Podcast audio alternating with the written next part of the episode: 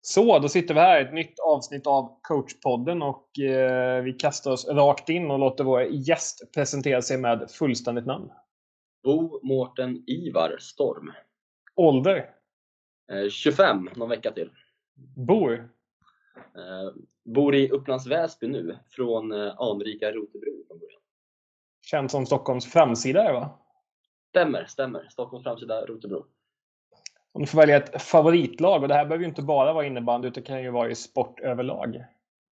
Ja, jag är ganska dålig på att följa sport, men, men ett lag som har hängt med länge är ju Detroit Red Wings i, i hockey.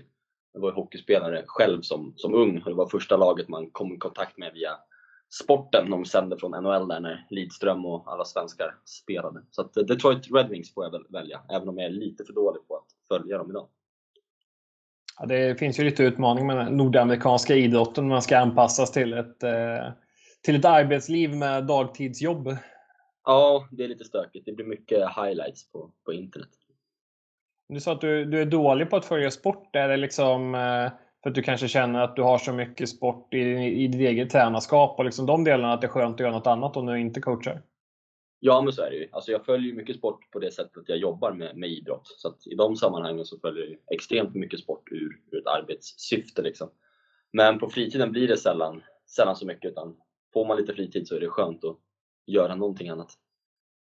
Och om du kommer in på din egen eh, tränarskap och idrottande. Du nämnde ju att du hade en bakgrund som hockeyspelare. Om vi tänker liksom din idrottsresa. Om vi startar med vilka idrotter du har spelat själv och sen eh, vilka coachuppdrag och liksom ta ifrån scratch. Ja, ja det är lite gott och, gott och blandat.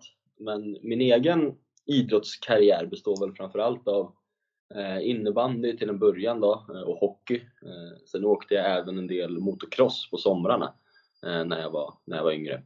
Men det var, hockeyn var ju snabbt den, den stora kärleken, så där, där lades det ju mycket tid. Vilket gjorde att eh, innebandyn hamnade lite i, i kläm där. Jag tror jag spelade innebandy själv tills jag var kanske 12, 13, 14, något sånt där. Eh, sen insåg jag att det inte gick att kombinera två stycken vinteridrotter med varandra. Eh, och då fick innebandyn stå åt sidan lite grann för, för hockeyn då. Eh, där jag gjorde någon typ av satsning och spelade tills jag var 20. Så det är den egna idrottskarriären. Sen parallellt med det här så började jag coacha innebandy också. Då. Det var väl en slump egentligen då från, från början. Det var jag och en av mina bästa kompisar när jag växte upp där, Oskar Holbro, han är innebandyspelare idag, står i Bele Barkarby-målet just nu. Eh, vi lirade tillsammans i samma lag och vi hade båda yngre syskon eh, som hade startat ett lag precis då. Så vi blev inkastade ganska tidigt där. Vi var väl 11 år har jag räknat ut det här till. Eh, och tjejerna då som hade startat var ju 6 år, som var våra syrror där, två av dem. Så då frågade Kalle Schwirer, som han heter, numera sportchef i Rotebro Dam, han har hängt med i alla år där sa det att grabbar, ni spelar ju, ni spelar ju innebandy, kan inte ni komma ner och, och hjälpa till lite grann? Vi tänkte, oh, absolut, det, det är väl inga problem. Tänkte att vi skulle ner och flytta lite koner och samla lite bollar och sånt. Tänkte det, det kan man göra, det är soft. Kom vi ner där på träningen och sa han, hej tjejer, det här är Mårten och Oskar, de kommer träna nu så jag går och sätter mig där borta och så kör grabbarna. Eh, på den vägen är Så vi tittade på varandra och så hittade vi på någon typ av pass där. Eh, sen har jag faktiskt varit fast sen dess. Eh, och i, i, samma förening också hela tiden. Och jag har ju faktiskt följt då det här laget, det var ju 99-kullen då, då eh, med lite gott och blandat i övriga åldrar. Men det var 99-kullen då som startade upp där och några av de spelarna har jag fortfarande kvar då i damlaget som jag tränar idag. Så att det började ju den vägen, så jag följde den kullen hela vägen. Eh, när de var juniorer så hoppade jag också in och tog 01-02-kullen där i Rotebro. Och det är de två kullarna nu som tillsammans utgör vårt damlag där jag är aktiv idag. Så det är spelare som jag har följt över en väldigt lång tid, eh, vilket är speciellt eh, och väldigt roligt. Eh, absolut. Sen har det blivit tränarmässigt lite andra så små uppdrag runt om. Nu senaste året, eller senaste åren så har jag kört Stockholms distriktslag på, på tjejsidan. Jag har den här säsongen också hoppat in och kört med Rotebros herrlag. Så de har jag en, en försäsong med och en, ja, en höst med innan allting fick stanna av här då, lite oväntat. Så det är väl det är, det är, inte, det är inte många som kan eh, ha på meritlistan att de tränar klubbens båda representationslag och båda är så pass högt upp som division 1 här va? Nej, det är väl lite speciellt kanske. Man märker också att det kanske finns en anledning till att det inte är så många som, som har det så. Det, det blir ju en del en del jobb liksom. Eh, vi har försökt lösa det så snyggt det går runt om liksom. Men ja, det blir en del jobb, men det är också fruktansvärt roligt och det, det, är en kul, det är en kul kontrast för det är liksom väldigt olika grupper och det var väl, det kände väl jag var viktigt för mig i mitt ledarskap också att inte jag fastnar i samma nu när jag varit i samma klubb sedan 2006 räknade jag ut eh, och i stort sett med samma grupp och samma stomme så har det varit skitkul för mig att få komma in i en helt ny miljö med liksom mm. andra utmaningar. Ehm, så det har varit bra tycker jag. Och så även distriktslaget då, som blir en extra krydda på det hela. Det är också en annan miljö och annan typ av, av utmaningar. Så de grejerna är ju superutvecklande. Och sen har det blivit lite andra såna sidogrejer också på, på sidan. Lite campverksamhet här och där. Ehm, ja, lite olika. Någon utbildning här och där någon föreläsning hit och dit. Och lite sånt. Jag tycker det är intressant när man går till starten, för jag känner igen det här att man bara kastas in liksom, och så står man där och liksom, jaha, vad, vad, vad gör vi nu för övningar och sånt där. Men jag vill ändå tro att den liksom, det är ganska sunt att man liksom bara får kastas liksom rakt in i situationen direkt. Liksom, att det är liksom ingen idé att krångla till det. Liksom. Vad, vad, tycker du själv om att få den starten på en ledarkarriär? Ja, alltså man tvingas ju, man tvingas ju ta ansvar och kliva fram direkt eh, och liksom ja, producera bra, bra träningar och bra saker. Eh, sen har man ju kanske inga verktyg för att göra det här eh, i början, utan man vet ju ingenting. Utan man bara går in, chansar och kör och så kanske det råkar bli bra. Så man vet inte riktigt vad man gör. Så jag tror inte att det är det optimala sättet. Om jag skulle liksom coacha in en ny ledare eh, idag, vilket jag också delvis gör lite grann i, i vår förening, så skulle jag inte bara, här är bollsäcken, här är laget, ut och kör, lycka till. Eh, men, men däremot så är det ju viktigt att de får mycket frihet tycker jag. Mycket att de får ta ansvar. Det får bli fel i början också. Det, det lär man sig ju sjukt mycket av. Så att jag tror inte att man ska försöka begränsa ledare och sätta för mycket koppel på dem. Liksom, utan, men däremot så måste man nog lyssna in och kunna, kunna stötta på ett bra sätt. Det måste finnas någon typ av stöd där och någon, någon möjlighet till liksom, utbildning eh, och sånt. Vilket jag också haft såklart eh, längre fram. De får man ju inte sig hörnen också innan man kastas in så att man har, har någon övning att bränna av där. Ja, precis. Den så viktiga hörnen. Nej, fy fan. Ja, det kan, eh, kan, kan, diskuteras mängder med tid där med hörnen. Det kanske är innebandyns eh, mest valda sanning att den måste ske på varje träning trots att det är en bedrövlig övning sett till, sett till alla detaljer i spelet och så. Men eh, låt oss inte stanna vid det utan att om vi tänker liksom den innebandyresa du har gjort. Är det någon match eller några matcher som sticker ut lite extra som du känner att det här är liksom lite milstolpar i ledarresan? Ja, alltså, det är svårt att inte tänka på distriktslags-SM och, och, finalen där. Det skulle jag nog säga är den häftigaste matchen. Dels på grund av såklart att det är lite större arena och inramning och allt sånt där, men, men framförallt just den aspekten hur mycket den matchen betyder där och då för de spelarna som är där. Eh, så det är inte så mycket för egen del kanske, men, men däremot för spelarna så är det väldigt häftigt att vara med i en grupp där man vet att det här är det största som händer för dem just nu och nu står allt på spel och det, det här är det som de har som sitt största mål eh, just nu i sin innebandy och det kan vi förverkliga tillsammans här nu. Det är en väldigt häftig, häftig känsla så, så av den anledningen så skulle jag nog säga att eh, SM-finalen i distriktslags-SM är den största matchen på det sättet. Då. Det var en häftig, häftig del att ta del av. Det blir ju något lite unikt också i och med att nu, numera är det bara ett SDF-SM och du har liksom en chans. Att, vad, vad är ditt eh, inslag i debatten där om om det ska vara 15, 17, 16 eller 1 eller 2 SDFS som har några tankar där?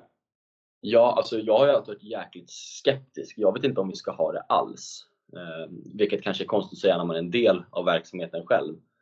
Eh, men jag var faktiskt tveksam när förbundet ringde just av den aspekten. Jag vet inte om jag står bakom att vi selekterar och gör den här typen av elitgrej så tidigt med bakgrund på att det finns mycket forskning som visar på att det här ger liksom dåliga det här ger dåliga konsekvenser för, för innebandyn i stort, eller för idrotten i stort. Det har väl det kanske inte gjorts så mycket specifika studier på innebandyn om det, men det här är välkänt sedan andra idrotter. Men, men likväl så fortsätter vi med det här. Eh, och det går ju att se det på olika sätt. Liksom. Det finns givetvis positiva saker som kommer ur SM. Alltså det är de här spelarna som faktiskt får chansen.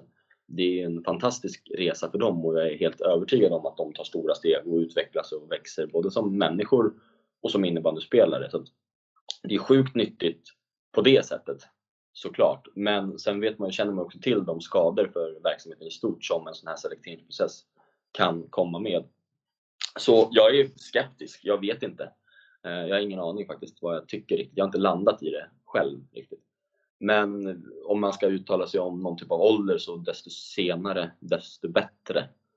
Får jag väl säga. Eh, men sen förstår jag att av, av praktiska skäl känns det lite rimligt att den ligger så som det ligger just nu. För folk börjar ju flaxa iväg sen till gymnasiet och kommer högre upp så att det blir någon typ av avslutning på ungdomsinnebandyn. Så det, det är väl rimligt så. Men eh, ja, jag vet som sagt inte vad jag tycker om verksamheten som helhet eh, på grund av den här selekteringsprocessen.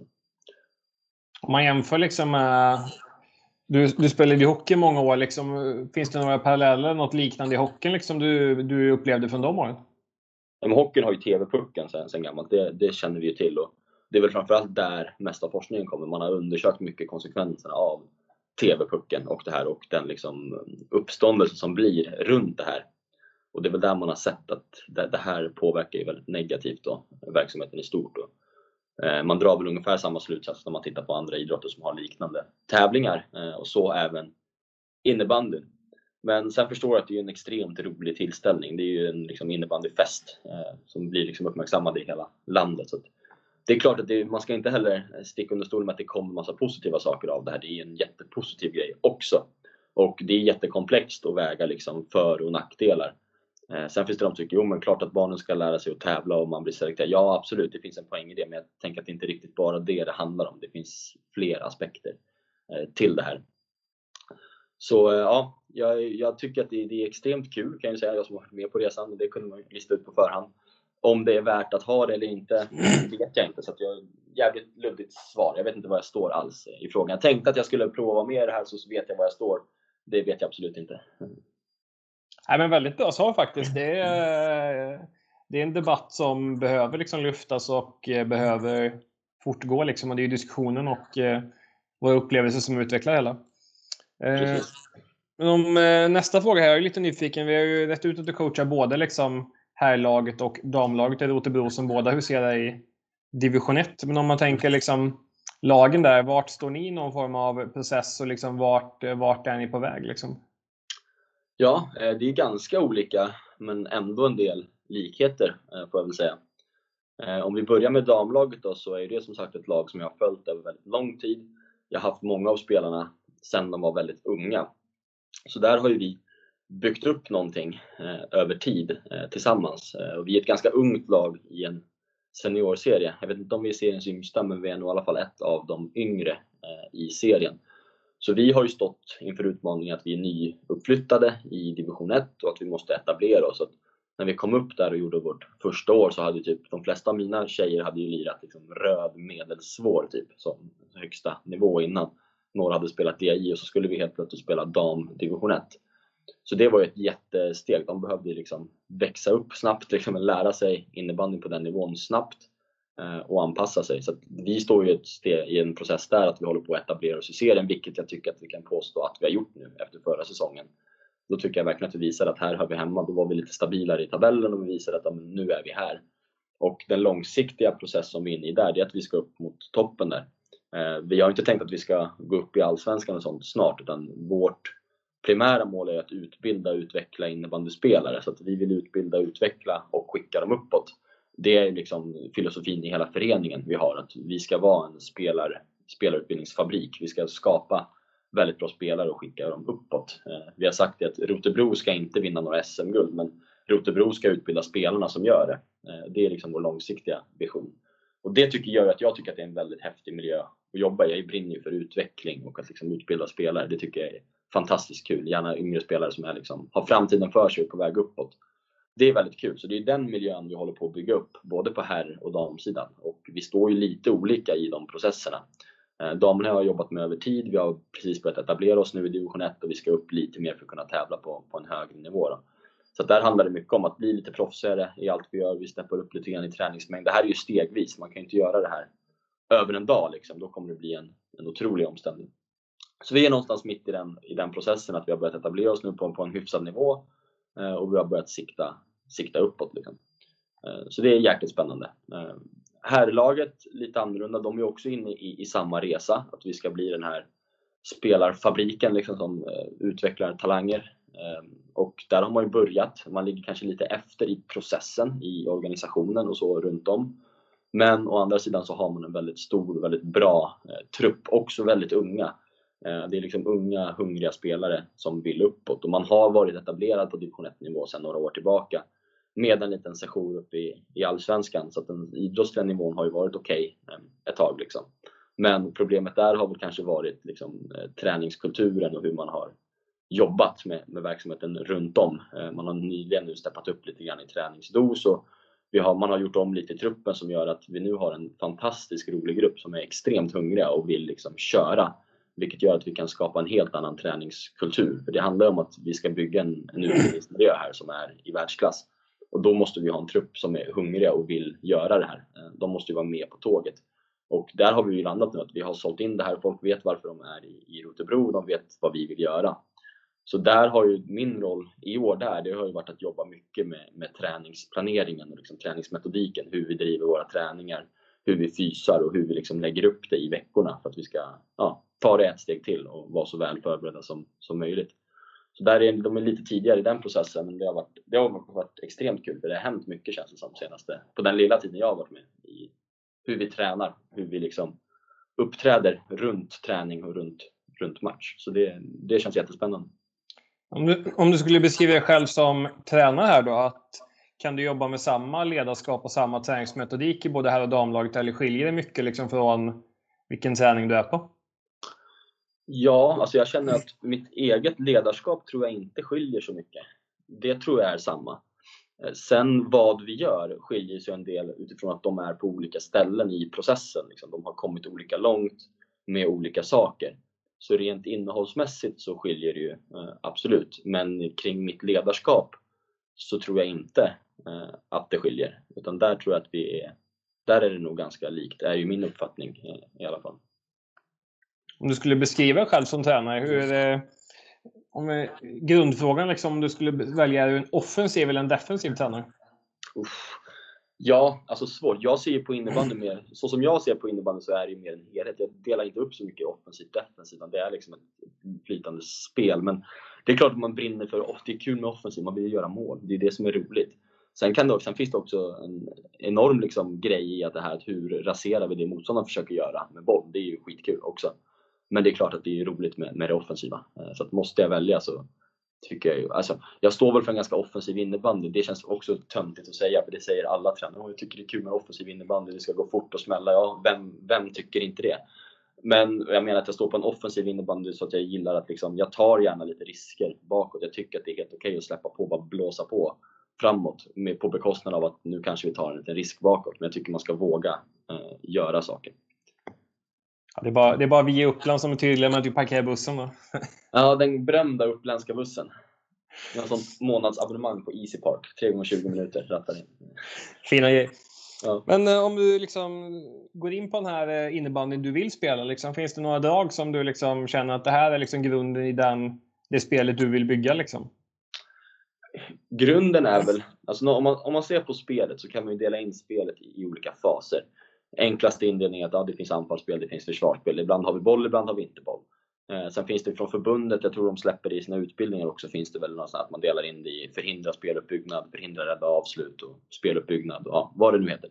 Men oavsett vad, hur man väljer att dela in det där, jag har ju min egen indelning som jag, som jag jobbar efter. Men oavsett hur man delar in det så målet med min innebandy är att kontrollera alla spelets faser. Alltid vara i kontroll över alla spelfaser jag tycker att det blir jävligt häftigt om man har två lag som hela tiden slåss om kontrollen över spelfaserna. Det blir roliga matcher och det blir fruktansvärt bra innebandy eh, oftast. Vissa lag kan ju ha som strategi att man inte försöker kontrollera vissa faser av spelet. Eh, till exempel motståndarens speluppbyggnad kanske man väljer att liksom, man ställer sig och avvaktar lite, man boxar ut för att liksom låta dem göra sitt och så jobbar man mer på att förstöra när de kommer in i en, i en viss yta. Eh, jag vill, ju, jag vill fighta som kontrollen i, i alla spelets faser på, på olika sätt. Då. Och det är någonstans grunden, vilket gör att spelet blir hyfsat aktivt. Vi får ett lag som ska agera i alla lägen. Det blir liksom aldrig att stå och vänta och titta och undra vad motståndaren gör nu och så förhåller vi oss till det. Utan det blir snarare att man hela tiden försöker påverka motståndaren åt något visst håll för att vi ska vara i kontroll av det som händer. Så att vi kan sätta oss själva i de bästa lägena att vinna våra dueller. För det är någonstans dit man kommer ändå, oavsett alltså spelsystem och taktik och allt vad man gör. Någonstans kommer det ner till att någon måste vinna en duell någonstans på banan eller vi måste tillsammans hjälpa någon eh, att vinna en duell. Och spelsystemet, spelidén, taktiken syftar ju till att vi ska sätta oss själva i så bra förutsättningar för det här som möjligt för att vinna de här duellerna. Ehm, och då är ju kontroll över faserna en sån, en sån nyckelfaktor enligt mig. Då, då. Ehm, för då växer det också fram roller, att vi kan placera ut våra olika styrkor på olika positioner, eller vad man vill kalla det, olika spelroller utifrån vad vi har för spelare så att vi maximerar allas styrkor och gärna då också samtidigt exponerar motståndarens svagheter.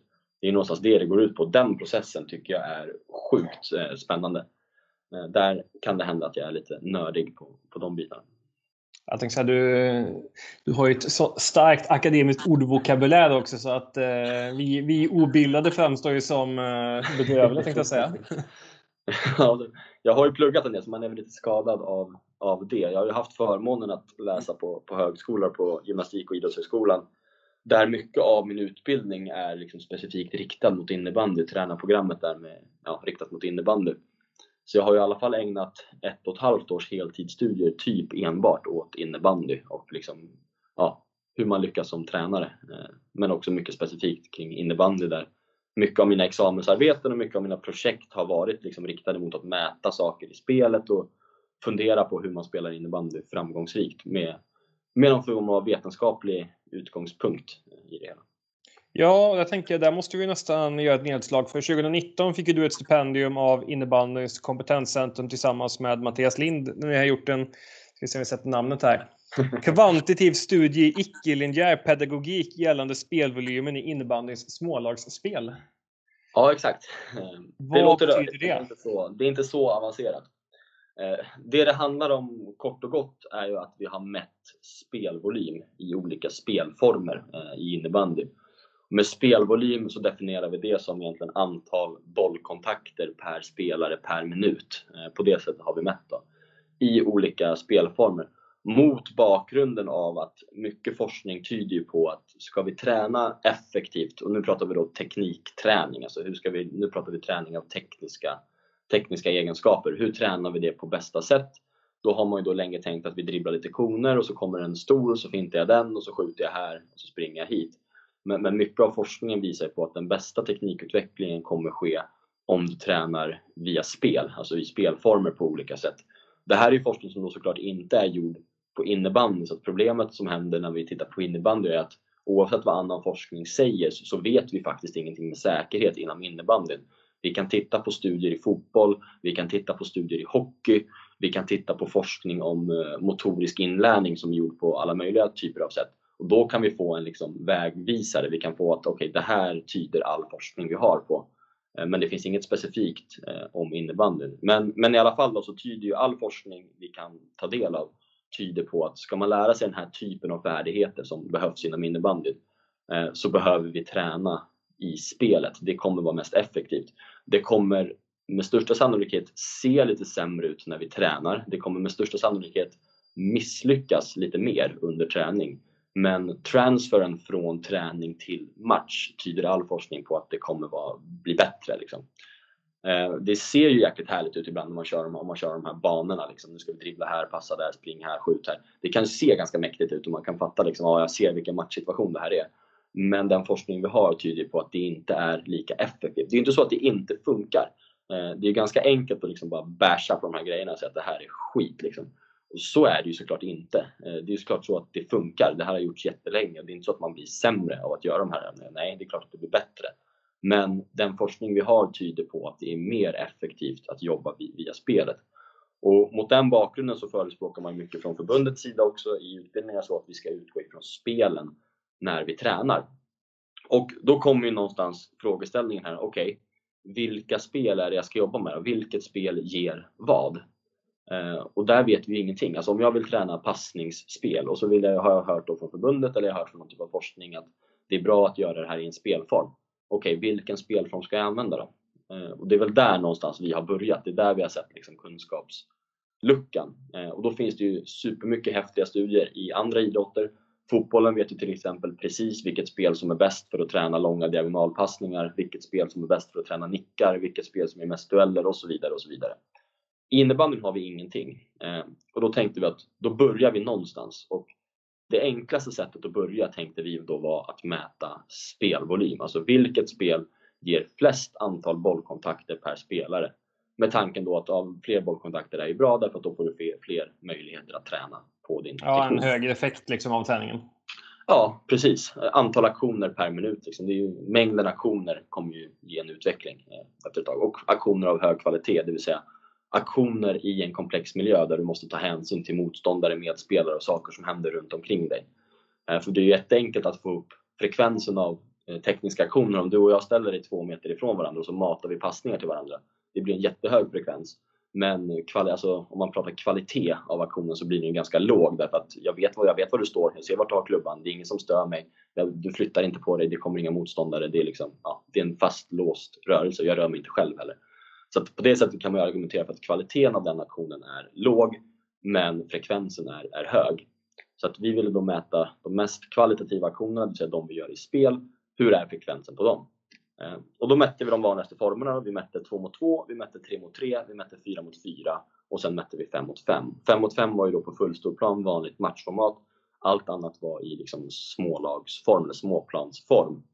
Jag tror längden på planen var alltid eh, 20 meter. Vi spelade liksom långsarg till långsarg och så breddade vi ut planen. Så att, eh, ja, jag kommer inte ihåg måtten, men 2 mot 2 så var det väl typ halva halva eller lite mindre. 3 mot 3 lite större.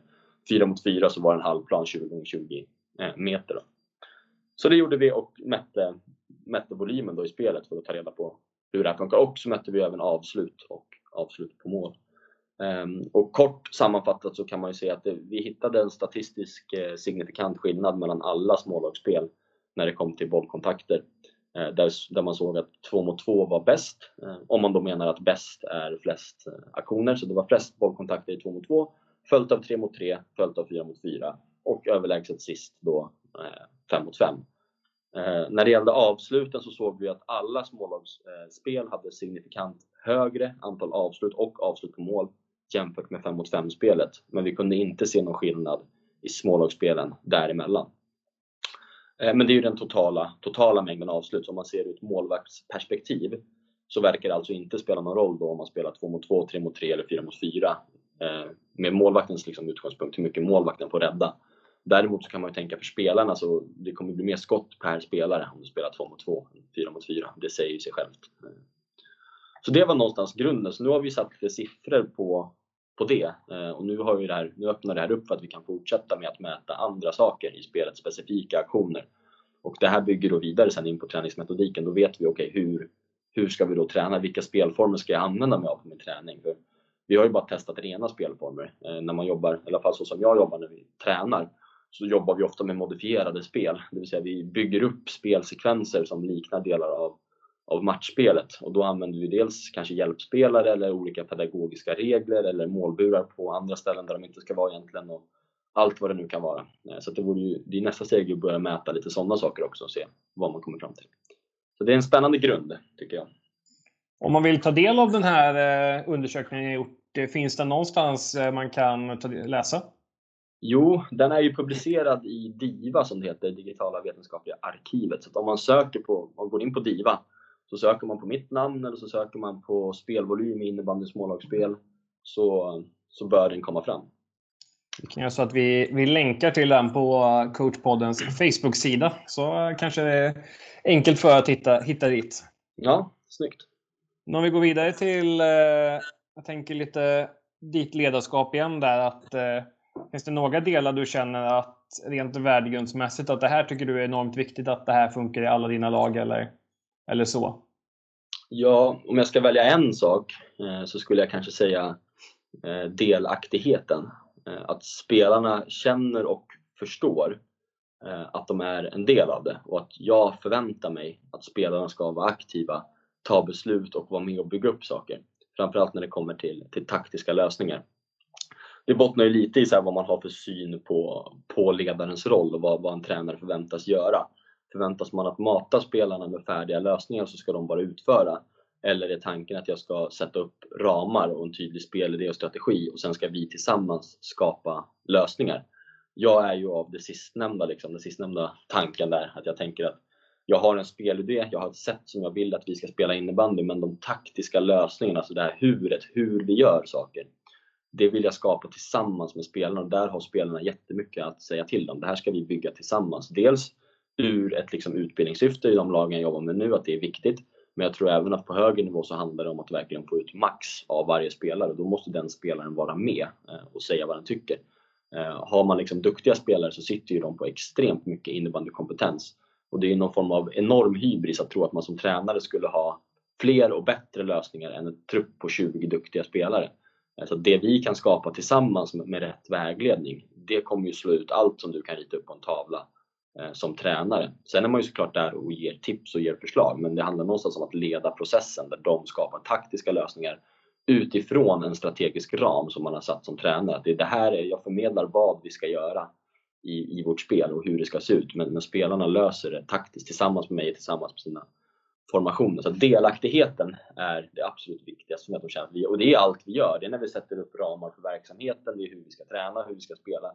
Vi måste göra saker tillsammans och vi måste ha ett lag som någonstans arbetar tillsammans mot gemensamma mål och där alla känner liksom ett ägarskap över det vi gör. Att det här äger vi tillsammans. Jag äger min roll, jag äger min enhet, jag äger liksom den här delen av spelet som jag gör just nu. Det här är, det här är mitt, liksom. jag äger det här då får man ju också, tycker jag, en större motivation och en större drivkraft att lyckas tillsammans.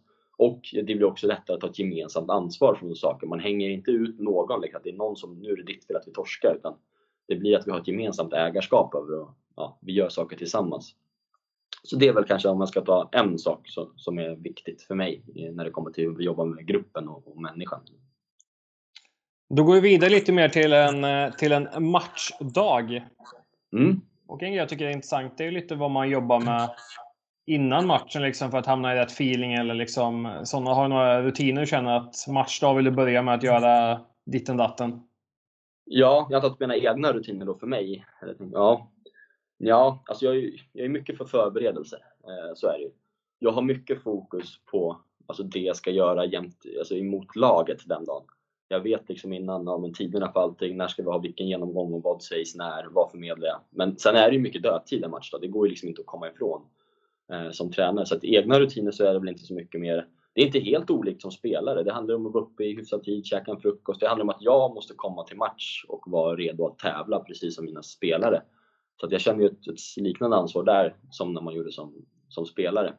Sen vad det innebär för mig med att liksom sova ordentligt, käka ordentligt. Om jag kan så skulle jag gärna träna själv eller liksom röra på mig eh, innan matchdag beroende på när matchen ligger och så.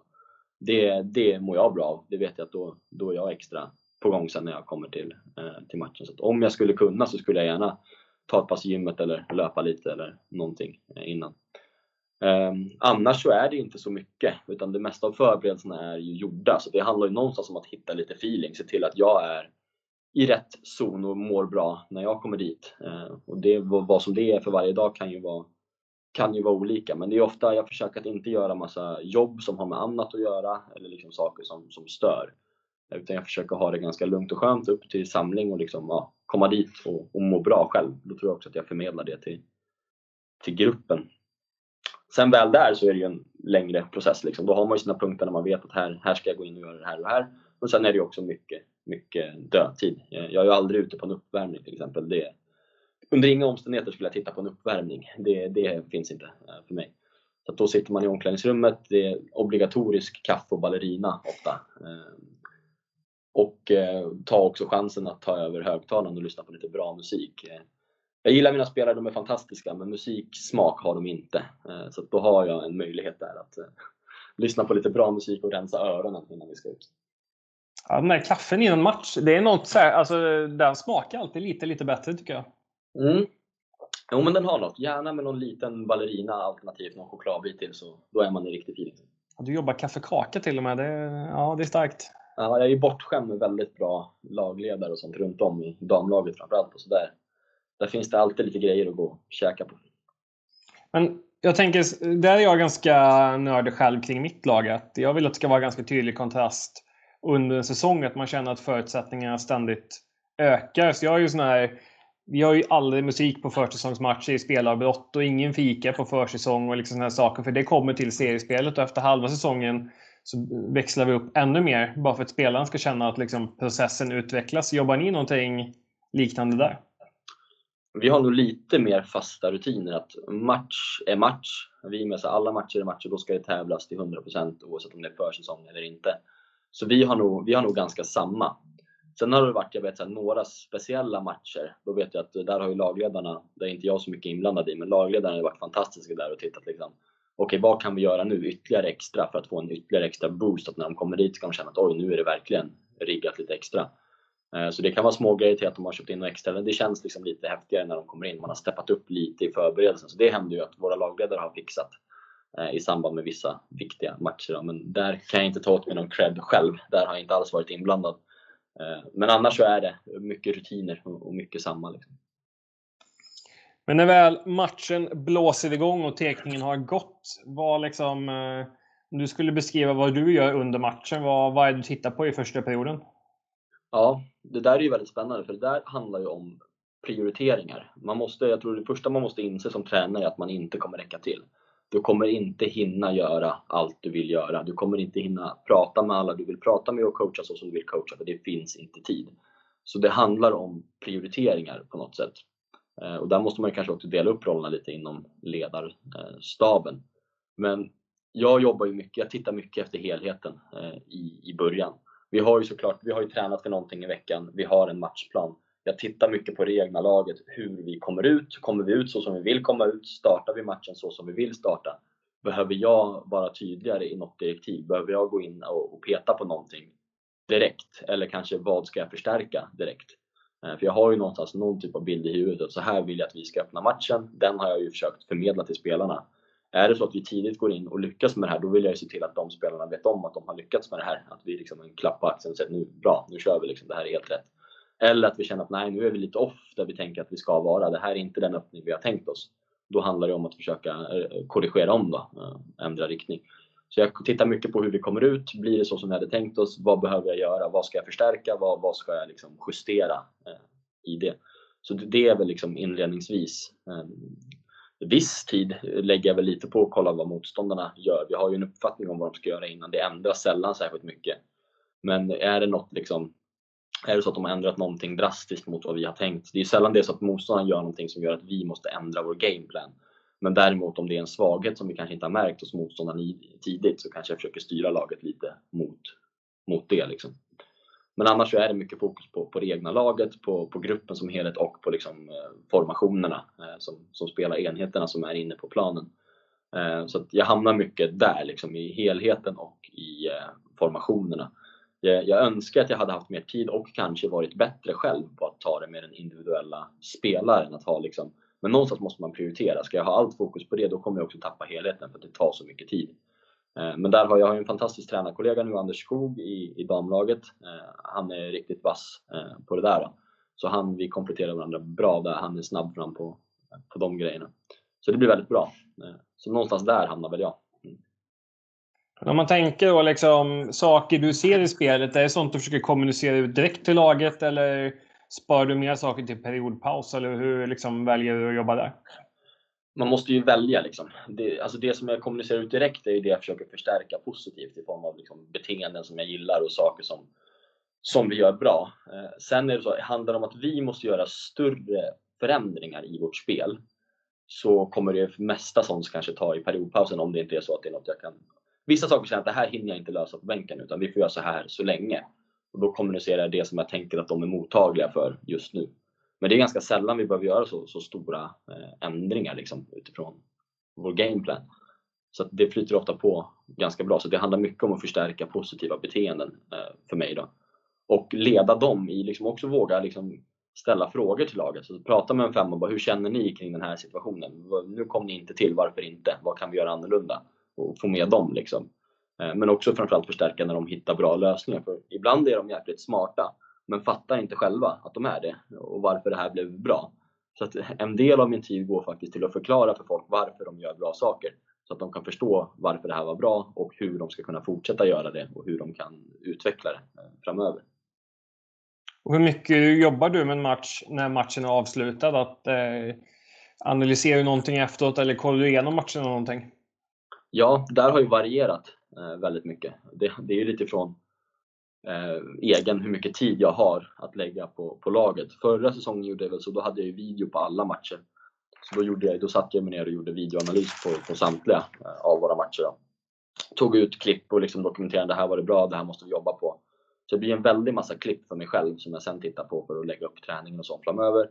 Och av alla de här 50-60 klippen så kanske man visar 3-4 för, för laget sen då, Eh, i träningsveckan. Så video mycket, eh, inte hunnit så mycket givetvis den här säsongen, haft lite stöd av oss tränare eh, och sånt. Men skulle jag få välja själv så skulle det ju vara video på, på alla matcher och liksom sätta sig ner och stänga matchen för att utvärdera hur det har gått och sätta upp en plan för hur vi ska göra framöver. Men just nu så har ju den tiden inte riktigt räckt till alla gånger. Är, vi pratade om det här lite i början av avsnittet, just hur mycket sport och så man, man tittar på liksom när man har väldigt mycket innebandy. Du har ju dubbla tränaruppdrag, men du har ju även rätt mycket innebandy på dagtid. Ja, precis. Jag jobbar ju i en gymnasieskola också, driver en eh, innebandyinriktning. Eh, så där är det ju också extremt mycket innebandy. Där jobbar jag mycket mer individuellt med spelarna. Där jobbar vi också extremt mycket video eh, för att det är liksom på individuell nivå att vi har, bygger upp klippbanker på varje spelare och mäter deras belastning och lägger upp individuella träningsplaner och allt vad det är. Så där är det extremt mycket tittande eh, på innebandy, på dem framförallt då, och jobb med, med videobitarna. Så jag sitter ju väldigt mycket med video på, på dagtid i, för skolans räkning. Då. Så att det, blir, ja, det blir en hel del idrottstittande på olika sätt. Och om man då tänker eh, skoluppdraget att eh, Gillar du liksom det arbetet där liksom man kanske jobbar snarare... Det blir ju mycket mer långsiktigt i och med att man inte har någon specifik match eller kanske något specifikt mål man jobbar mot. Att, om du ska jämföra de processerna, i vilken tycker du att du är starkast? Svårt att säga tror jag. Alltså jag gillar verkligen båda processerna. Det är, det är skillnad, det är en jäkla kontrast att jobba med har, I skolan har jag fortfarande en grupp så det är lätt att det känns som ett lag fast det inte är ett lag. Vi är inte här för att vi ska tävla i någon match. Vi är inte här för att göra någon prestation tillsammans. Utan vi är här för att varje enskild spelare ska växa. Och det ändrar ju arbetssättet lite grann. Då blir ju allt fokus på just individen. Och det blir helt plötsligt 16 olika planer om det nu är 16 spelare, 20 olika planer om det är 20 olika spelare. Och den processen tycker jag är jäkligt kul. Det blir att man jobbar ju lite närmre den spelaren. Mycket dialog enskilt liksom med, med den spelaren och feedback och, och den biten. Och man får liksom verkligen gå in i detaljerna för varje enskild spelare på, på, på den nivån. Eh, I laget så blir det ju mer, det är mer mot gruppen. Även om det finns det här individuella där också så är det ju mer att vi ska få en grupp som ska jobba tillsammans och vi ska dra mot någonting. Men jag skulle nog säga, måste jag välja så säger jag nog lagbiten just för att det finns den här tävlingsaspekten där. Att vi är här och tävlar tillsammans. Vi förbereder oss för tävling eh, tillsammans. Då. Så just på grund av tävlingsaspekten skulle jag nog säga att jag kanske njuter lite mer av, av lagbiten. Även om jag tycker att det är fantastiskt kul att jobba med de här individuella bitarna också. Och vi ska ta oss vidare till eh, nästa sekvens i podden. Du ska få svara på fem snabba frågor. Yes. Eh, och första frågan då är match eller träning? Match. Skott eller passning? Skott. Klubblag eller skolprofil? Eh, klubblag. Eh, klubblag eller distriktslag? Oh. Nej, klubblag, just för att det är en längre process. Stockholm eller Gävle? Om jag ska äta en charkbricka så, så Gävle, men, men annars kanske Stockholm. Vi, vi kan ju nämna storyn bakom Gävle. Att vi har ju båda två jobbat en hel del där uppe på olika innebandycamper och delar förbundets eh, utvecklingsläger. Men om vi går in, för du har ju nämnt det här lite med lägerspåret. Du har ju kört en hel del sådana inslag. och eh, hur nyttigt tycker du det är som tränare att man kommer iväg på sådana saker och liksom får träffa nya spelare och liksom utbyta erfarenhet med andra ledare? Jo, men det tror jag är. Jag tror det är jätteviktigt. Eh, framförallt för mig då, som jag har ju varit i samma klubblag väldigt länge. Så det är ju mitt sätt att ha kontakt med andra verksamheter och få, få andra intryck. Liksom. Dels är det ett annat uppdrag, det är ofta lite yngre spelare som är någon annanstans i sin process än vad mina spelare är. Eh, men det är också liksom en ny miljö och andra förutsättningar om man träffar andra ledare eh, och man träffar andra spelare. Så det, det är alltid utvecklande. Alltid tar man med sig någonting. Liksom. Så det, nej, det är roligt. Så jag försöker göra lite sånt där så mycket som det går. Men där är också tiden lite begränsande. Men nej, det är kul att komma ut. Och eh, sista momentet är att du ska få sätta ihop en egen drömuppställning med eh, en målvakt, fem utespelare förslagsvis. Du får ju plocka målvakt och köra sex utespelare också. Och eh, eventuell tränarstab. Ja, just det. Den här är ju tuff alltså. Eh, jag har ju dålig koll på spelare. Det verkar som att många innebandytränare kan väldigt mycket spelare. Eh, jag har ingen aning om vilka som spelar innebandy, typ. Eh, jag fattar ju att Anna Wijk är en innebandyspelare liksom, och Galante, det, det är så långt jag är med. Men, men annars så, individuella spelare har jag väldigt dålig koll på generellt. Förutom de jag jobbar med och coachar mot eh, såklart. Men, men annars är det ganska dålig koll. Så jag vet inte hur jag ska få ihop det här. Det får bli kanske en väldigt intern sån. Eh, det blir extremt internt kanske. Och för många kanske okända profiler. Men jag ska definitivt kasta in mig själv på planen. Det, det kanske är det viktigaste. Att jag själv lirar, slipper stå i båset. Ja, det, det, är ett initiativ vi hyllar. Ja, nej, men så, så jag ska ju in då. Sen tror jag, alltså framåt, vi måste ju ha en offensiv uppställning någonstans med lite sköna lirare. Så jag får väl ta jag har ju två polare, vi brukar spela NHL på kvällarna. Vi brukar spela EA Sports Hockey League 3 mot 3 så att vi är otroliga på det här digitalt. Eh, det är ju faktiskt två innebandyspelare, en innebandyspelare och en före detta. Vi har eh, Niklas Johansson Bräck som har lirat i Sirius här några säsonger. Nu tillbaka i Rotebro, så han spelar för mig nu faktiskt. Ehm, så att han och en kille som heter Gustav Lindström, före detta division 1-spelare. Vi får ju ändå bilda någon form av trio där, där längst fram. Vi har erfarenhet från den digitala världen av det här. Ehm, sen är frågan vilka som ska lösa försvaret. Ehm, det är ju det är oklart. I buren får jag ju ställa Oskar Holbro, en gammal barndomskompis numera i Bele Barkarby. Det var vi som började tränarresan tillsammans i, i Rotebro. Sen vet jag inte riktigt vilka jag ska ställa som, som backpar. Den är, den är tveksam. Jag tänker att kanske Oskar Hurtig från Gästriklands innebandyförbund får kliva in där och lösa defensiven. Uh, om inte annat så bjuder han ju på väldigt bra surr i alla fall. Uh, så, så, han är ju kul att, att ha med. Uh, och bredvid honom så måste det ju vara någon som har erfarenhet och kan stå ut med Oskar Hurtig. och det får väl bli att du själv kanske får hoppa in där då. Så att Johan God och Oskar Hurtig som, som backar. Följt av min EA Sports NHL-lina med Oskar Holbro i buren. Då tror jag att där har vi någonting. Ja, du, du har ju helt klart någonting, men du har ju, du har ju inte ett stabilt backpar, det kan vi ju säga. Ja, alltså det, vi kommer nog inte vinna något, men det kommer nog vara ganska trevligt. Det kommer det vara.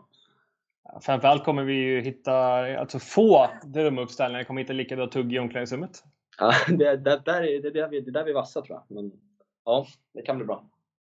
Ja, det var ju en intressant uppställning på alla sätt och vis. Jag säga, man, man har stött på många spännande konstellationer, men det här var nog den som jag var mest oförberedd på.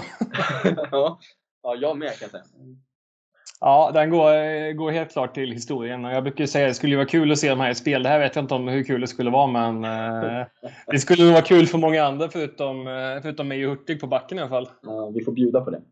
Ja, nej, det gör vi självklart. Och det, det blir otroligt spännande att se. Om du, tränarstab där, har du, har du någonting i åtanke där då? Ja, just det. Tränare ska vi ha också.